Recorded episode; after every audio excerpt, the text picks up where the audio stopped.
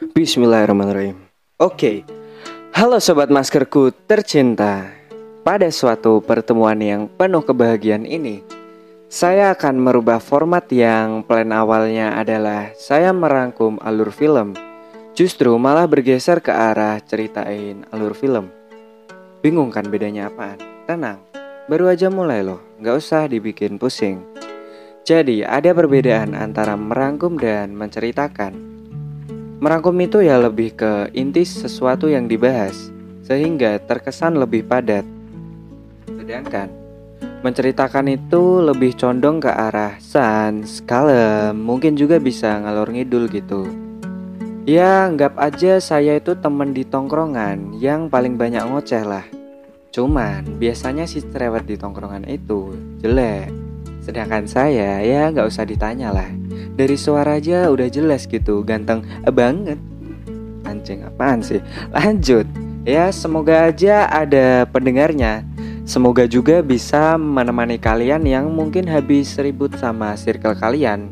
Atau minimal nemenin kalian rebahan lah. Atau mungkin juga bisa nemenin kamu yang lagi nyapu sembari nyuci piring gitu lawak terus anjing lawak terus. Mana bisa bos nyuci piring sambil nyapu? Ya Allah. Oke oke lanjut ya.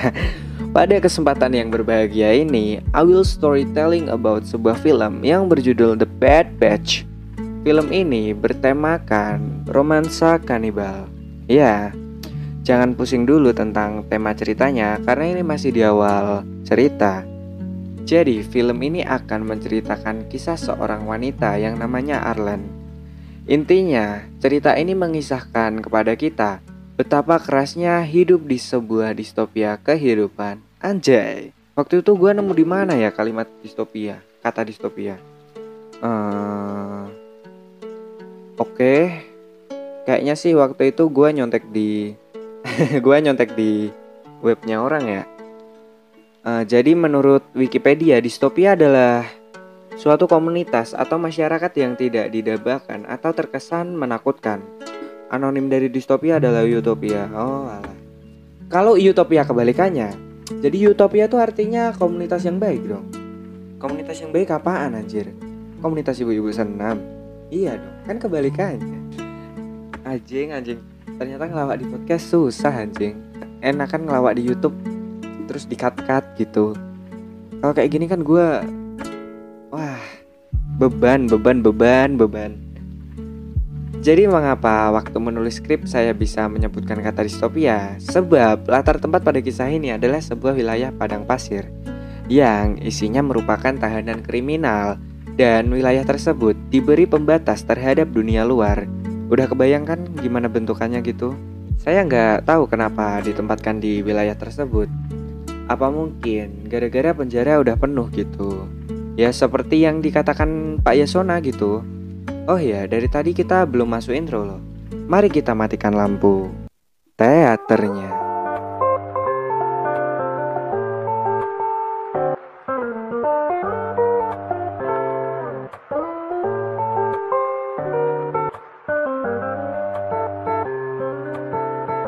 Oke, selamat datang kalian semua. Padahal gue belum bikin intronya loh ya, nanti lihat aja lah. Pasti waktu video ini kok video sih? Pasti waktu podcast ini udah di-upload, gue pasti udah mikirin hasilnya, gue udah mikirin uh, intronya mau seperti apa. Kalau waktu gue ngerekam ini belum gue pikirin sih.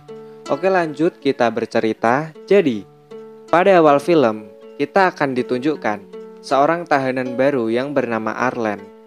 Ia sedang dikirim ke wilayah yang kita anggap aja penjara jumbo gitu. Ya karena emang gede banget, kan penjara udah penuh nih. Mungkin wilayah tersebut adalah hasil bentukan dari sesaknya penjara. Juga dijelaskan melalui sebuah papan peringatan yang bertuliskan bahwa semua yang berada di balik pagar ini udah berada di luar hukum Amerika. Itu artinya Arlen kudu survive di dalam sana tanpa dilindungi hukum negara. Penasaran? Bagaimana jadinya? jika ada wilayah tanpa hukum. Apaan anjing? Arlen pun berjalan menyusuri tempat tersebut dan ia melihat sebuah mobil yang udah usang sedang tergeletak di sana. Arlen pun menghampiri mobil yang mesinnya udah mati tersebut. Saat ia sedang berteduh pada mobil itu, terdengar suara kendaraan yang sedang mendekat. Ternyata, pengemudi dari kendaraan yang mendekat tersebut adalah sekelompok manusia kanibal dan sedang berburu manusia yang masih berkeliaran. Karena Arlen bukan CCGTA San Andres yang bisa password Rocketman, cileh. Ia pun berlari dengan sekuat tenaga. Namun pada akhirnya, kasihan banget, dia malah ketangkap gitu. Arlen pun tak sadarkan diri karena ia dipukul dari belakang oleh si kanibal tersebut. Saat terbangun, ia sudah dalam kondisi yang terikat, siap mau disembelih. Bener aja dong, salah satu manusia kanibal di sana membius tangannya lalu memotongnya. Ia pun semaput lagi. Waktu nonton ini aku masih makan lucu Anjing rasanya kayak udah gitu. Ya setelah itu Arlen terbangun lagi karena kebelet berak. Ia pun kaget bahwa ternyata kakinya juga udah terpotong satu gitu. Jadi gak cuma tangannya, kakinya pun terpotong gitu. Si kanibal lapar nih kayaknya. Jadi mereka membiarkan Arlen hidup untuk diambil organnya, untuk diambil organnya yang lain suatu saat nanti. Ketika stok tangan dan kaki yang tadi itu udah habis gitu, biar masih fresh lah. Gimana ceritanya ya manusia hidup dijadiin stok makanan loh, lucu kan?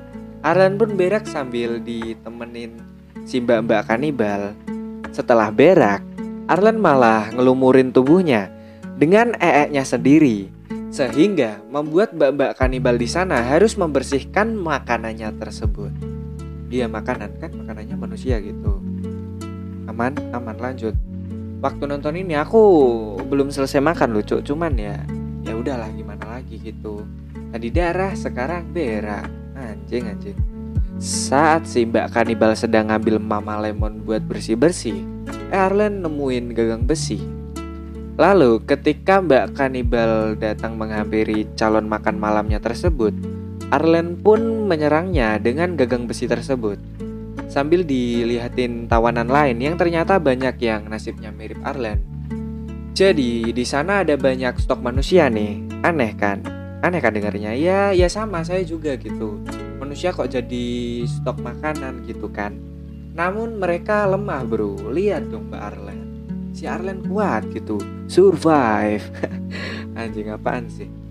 Saya jadi kebayang gitu kalau misal di tempat para kanibal itu ada GoFood jadinya gimana ya? Kayak malam-malam gitu kan. Lagi main PS terus ada satu orang gede nih yang bias yang biasanya gampang lapar gitu. Terus bilang ke temennya eh bro aku lapar nih.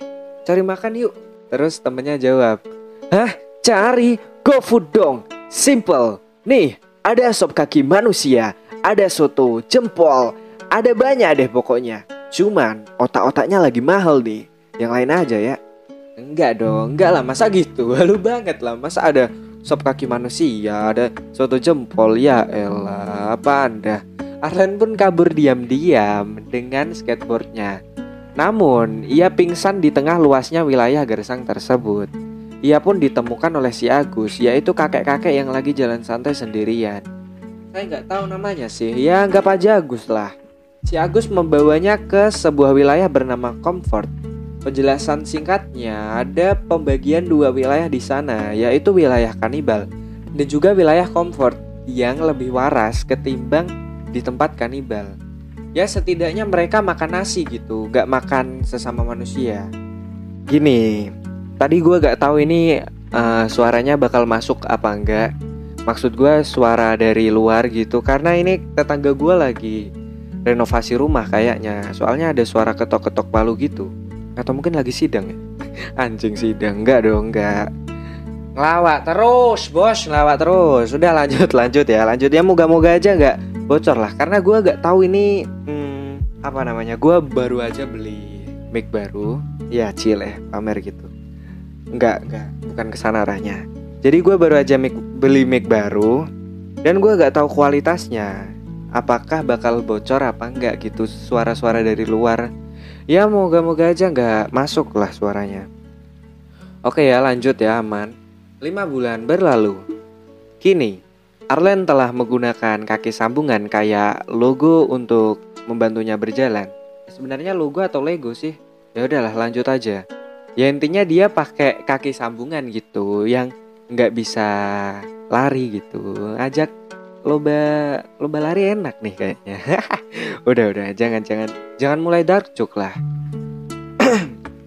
Apalagi diajak lompat jauh gitu, anjing. Oke lanjut lanjut di sini di di sini gue mulai kebingungan karena ini baru pertama kali gue bikin podcast loh bro.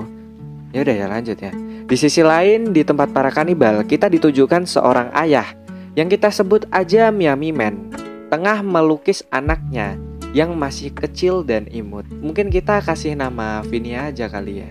Dari laganya Miami Man ini, anjir Miami Man. Kesusahan ya gue nyebutnya. Miami aja lah ya. Dari laganya Miami ini orang yang gahar. Tapi kalau sama anak penyayang banget gitu setelah melukis ia pun keluar rumahnya lalu panen daging manusia untuk dimakan malam ini bersama Vinia anaknya. Anjay panen manusia. Ya sangat tidak terbayang.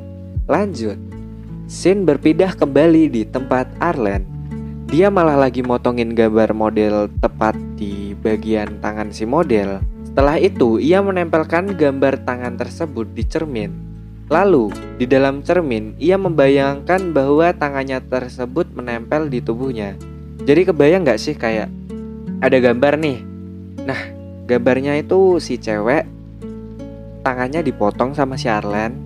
Terus gambar tangan tersebut ditempelin di cermin si Arlen lagi ngebayangin nih dia lagi uh, masang tangan gitu dia lagi punya tangan gitulah jangan masang ya gitulah intinya. Dia lagi halu. Dia kayaknya lagi uh, dia kayaknya lagi terobsesi pengen punya tangan lagi gitu. Kasihan loh. Setelah itu Arlen pergi uh, sambil membawa pistolnya. Ia pun keluar dari area comfort. Saya kurang tahu sih tujuan awal si Arlen apaan. Cuman awalnya saya berasumsi dia mau latihan nembak gitu. Di tempat lain, si Vinia anaknya Miami lagi pengen keluar cari barang-barang rongsokan di tempat pembuangan sampah yang mungkin masih ada barang berharga di sana. Vinia pun pergi bersama seorang wanita yang tak diketahui namanya. Ya panggil aja Bodarmi lah, Boda Bodami aja Bodami. Walaupun sebenarnya nggak penting sih, orang bentar lagi mati gitu. Aduh, malah jadi spoiler kan. Oke, lanjut.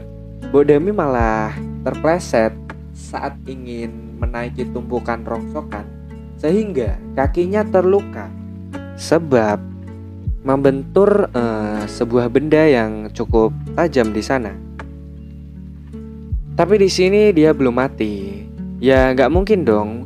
Cuman kepleset dari ketinggian aja terus mati gitu nggak mungkin modar lah cuman semeter cok di tengah kesialan itu tiba-tiba seorang wanita buntung datang menghampiri Vinia dan Bodami di sana Bodami tahu bahwa Arlen adalah salah satu stok makanannya yang lepas. Jadi ia memohon kepada Arlen supaya tak membunuhnya. Namun Arlen menjawab bahwa dirinya juga pernah memohon. Namun ia tetap kehilangan tangan dan kakinya. Arlen pun mengarahkan pistolnya menuju ke Mbok Dami. Lalu, dar, wafat. Vinia si bocil yang kanibal itu malah membangunkan Mbok Dami dengan menggoyangkan bahunya yang tentu aja gak mempan dong. Ya kali bisa bangun gitu. Kan udah mati, cuk. Jadi film horor nanti. Vinia pun ikut bersama Arlen menuju Comfort. Di sana, Arlen membelikan Vinia kelinci untuk dijadikan peliharaannya. Di tempat lain, kita ditujukan scene di mana Miami sedang mencari anaknya karena nggak pulang-pulang. Namun, ia hanya menemukan mobil yang digunakan Vinia tanpa ada orang lain di sana. Ia pun menyusuri area rongsokan tersebut dan menemukan Bu Darmi udah jadi makanan burungnya Itachi anjay burung gagak bos maksudnya mikir dikit lah Oke, Miami terus mencari dan bertemu dengan si Agus yang lagi hunting barang rongsok pria tua yang lima bulan lalu menemukan Arlen itu loh. Miami pun bertanya kepada Agus melalui gambar apakah ia melihat Bentar. Miami, Miami pun bertanya kepada Agus melalui gambar, apakah ia melihat anak yang berada pada lukisan tersebut. Karena wilayah distopia tersebut nggak ada foto box, Agus malah meminta syarat kepada Miami untuk melukiskan si Agus di sebuah kertas. Baru dia akan menjawab pertanyaannya anjing gue bikin skrip nggak ada komanya loh bangsat. Dari tadi gue salah baca anjing. Ya udah lanjut lah. Ya gue gue males banget editing ngekat ngekat nggak banget lah. Nggak podcast nggak podcast banget gitu. Aja ini by the way si Agus narsis juga loh. Padahal dia udah tua loh gue gak tahu ya bakal ngupload versi uh, visualnya di YouTube apa enggak karena ya lumayan capek men. Gue udah nulis skrip terus bacain podcastnya terus gue harus uh, ngedit ngedit visualnya. Belum ngedit suara-suara ini juga gitu nanti kalau ada yang dikat-kat perlu dikat-kat gitu kan. Ya nggak tau lah cuman gue gambarin aja si Agus ini kakek-kakek tua yang kayaknya bisu ya. Terus badannya kurus karena emang di daerah distopia tersebut eh, sangat lusuh ya sangat lusuh nggak semua orang punya kemampuan punya kapabilitas untuk memiliki kekayaan gak semuanya memiliki ekonomi yang tinggi gitu. Tapi ngomong-ngomong dia juga pemberani loh bisa nyuruh-nyuruh si kanibal yang badannya lebih besar gitu. Karena Miami Man ini uh, diperankan oleh pemerannya siapa ya? Itu loh yang manusia ikan. Aquaman manusia ikan anjing. Ya emang sih, cuman ya udah lanjut lah. Ya lu kebayangkan Aquaman gedenya segitu di compare sama Agus yang gua gabarin kayak siapa ya? Artis yang badannya kurus terus mukanya jelek siapa ya? Udahlah janganlah nanti kena UIT ya gitulah lu bayangin sendiri uh, tapi kayaknya bukan berani deh si Agus. Kayaknya lebih tepatnya selapar apa pun orang kanibal gitu juga nggak mau gitu makan si Agus ya. Apalagi jempol kakinya gitu. Bau banget deh kayak dah gue nggak kebayang deh jempol Agus apalagi? Dipanggang gitu anjing. Jempol Agus panggang ya Allah. Makin halu loh gue. Ya setelah dilukisin Agus yang bisu pun menulis pesan di kertas yang berkata untuk mencari anaknya si Miami di Comfort Lalu Miami pun pergi. Eh, tuh kan beneran Miami pergi. Dia dia udah gak nafsu buat makan si Agus. Malam pun tiba. Elite Comfort sedang melangsungkan pesta DJ remix di wilayahnya. Arlen dan Vinia juga menghadiri pesta tersebut. Di sana, Arlen melihat seorang wanita karyawannya si Elite Comfort sedang bagi-bagi pil koplo yang gratis untuk menimbulkan hormon-hormon nyantuy sambil jogetin DJ remix Akoplo. Karena penasaran rasanya, ia pun mencicipinya. Waduh, kok pusing nih gitu. Di sisi lain, kelincinya si Vinia terlepas sehingga gadis kecil itu mengikutinya. Hingga pada akhirnya kelinci tersebut ditemukan oleh mamang-mamang elit comfort yang dari tadi saya nggak tahu namanya.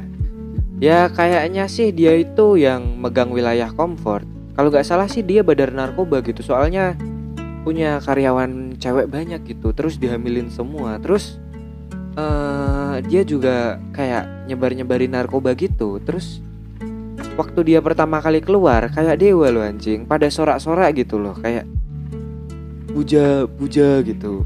Puja kerang ajaib anjing puja-puja. Uh, Ya kita sebut apa ya enaknya ya kita panggil komeng aja lah soalnya kayaknya kontur wajahnya itu komeng banget gitu. Komeng pun ngasih kelincinya ke Vinia si bocil yang dari tadi ngikutin kelincinya pergi. Setelah itu komeng dan istrinya malah membawa masuk si Vinia ke istananya ya jadi uh, dia tuh punya rumah yang gede gitu saking gedenya ya saya anggap aja istana gitu soalnya di daerah comfort nih itu kan daerah yang gersang gitu ya jadi rumahnya tuh kecil-kecil ya seadanya gitu Cuman rumahnya si Komeng ini paling gede gitu. Kayak istana deh. Ya kayaknya dia emang bener-bener bener-bener elit sih atau dia orang uh, orang yang gede gitu mafia terus disuruh buat uh, ngurusin narkoba di wilayah comfort kita juga nggak tahu karena emang nggak dijelasin. Pesta pun berakhir. Arlen yang masih ngefly malah ngomong sendirian gitu kayak orang gila. Dia juga mencari Vinia namun tentu aja kapasitas otak yang masih negatif 100% nggak nemu bro. Kasihan banget dari tadi ia masih aja ngomong sendiri gitu setelah itu ia malah mendapat dorongan dari batinnya yang lagi ngefly untuk meninggalkan comfort. Ia pun keluar comfort menuju daerah lepas. Ya di luar comfort luas banget gitu ya. Kita anggap aja daerah lepas. Bukan gurun tapi kayak kalau eh, latar suasana Oscar Oasis tuh gimana sih? Ya intinya tempatnya gersangnya kayak gitu ya, tapi itu kan bukan gurun ya. Gurun itu pasir gak sih? Kalau isinya pasir doang itu baru disebut gurun gak sih? Gurun pasir, gurun Sahara. Oke, okay, I don't know. Mari kita lanjut aja. Ia pun keluar comfort menuju daerah lepas. Di luar comfort, ia malah cengar-cengir sendirian sambil lihat-liatin langit yang penuh bintang. Langit yang bersahabat, langit yang lagi melambai, dan juga langit yang bergoyang-goyang. Berbeda dari biasanya katanya. Ya iyalah anjing, karena lu lagi halu Barlen. Langit ya langit gitu, seindah apa pun langit. Ya nggak joget-joget juga kali. Dia dia ini lagi joget-joget loh. Kalau gua bisa gambarin, dia itu kayak orang yang lagi mabuk, terus ngomong-ngomong sendiri di tempat yang sepi, sambil joget-jogetin karena langitnya kayak disco gitu apa ya. gue gak gue gak paham dah gue gak paham isi pikiran orang mabuk udah lanjut aja ya gue jadi gue jadi Gue jadi ngeri anjing. Ya ternyata di tempat Arlen jalan-jalan juga ada seseorang pria besar yang lagi nyari anaknya yang tentu saja itu adalah Miami. Di sana mereka pun bertemu di tempat yang wilayahnya sangat luas dan gelap tersebut. Arlen pun memeluk pria besar itu. Namun tiba-tiba Sin langsung berlanjut di pagi hari saat Arlen udah tergeletak di tanah dengan Miami di hadapannya. Nggak tahu deh semalam ngapain aja gitu. Apakah saat scene-nya dipotong langsung ke pagi itu dia ngapa-ngapain atau mereka uh, gue gak gue gak tahu deh gue gue no comment ya kalau kayak gini ya gue udah udah pusing anjing Oke, gak seharusnya gue ngomong pusing karena ini adalah podcast tentang film, bukan podcast tentang masalah pribadi. Oke, lagian gue gak kebayang sih ya kali gitu having sex sama makanannya sendiri kan kan dia nih si kanibal ya miaminya ya. Dengan si Arlen kan mantan makanannya gitu dia makanan yang terlepas gitu anjing makanan yang terlepas ya kita analogikan aja Arlen kan salah satu makanannya Miami sedangkan saya makan Indomie nih kalau Miami bisa having sex dengan Arlen di mana itu adalah makanannya, itu artinya sama aja kayak saya having sex dengan Indomie dong. Iya gak? Sebagai anak kos, Indomie kan jelas makanan saya gitu. Sebagai kanibal, jelas Arlen makanannya si Miami. Kalau Arlen bisa diperkaos sama si Miami, masa saya sama kriuk-kriuk Indomie gitu anjing? Enggak lah. Gua makin halu anjing. Ya Allah bikin podcast pertama kali susah loh anjing gue ngomong-ngomong sendiri gitu Aduh. cuman gue ngebayangin ya kalau Arlen bisa desah apakah Indomie bisa desah keras cok gue jadi gue jadi ngeri anjing udah lanjut Ternyata Miami telah melepas kaki palsu milik Arlen dan meminta Arlen untuk menemukan anaknya yang ditunjukkan pada gambar. Dan Miami pun mengancam jika Arlen tidak menemukan anaknya, Miami akan membunuh Arlen. Sadis. Oke, jadi ini adalah waktu proses editing. Karena videonya udah terlalu panjang, maksud gue audionya udah terlalu panjang, maka akan gue potong di menit ke 24 lebih. Berapa ini? Nggak tahu. ya bakal gue potong ya. Kalian tinggal tunggu aja episode selanjutnya part kedua dari uh, episode gue menceritain film The Bad Batch. Ya semoga kalian sabar menanti. Sekian terima kasih dari saya. Goodbye motherfucker. Dadah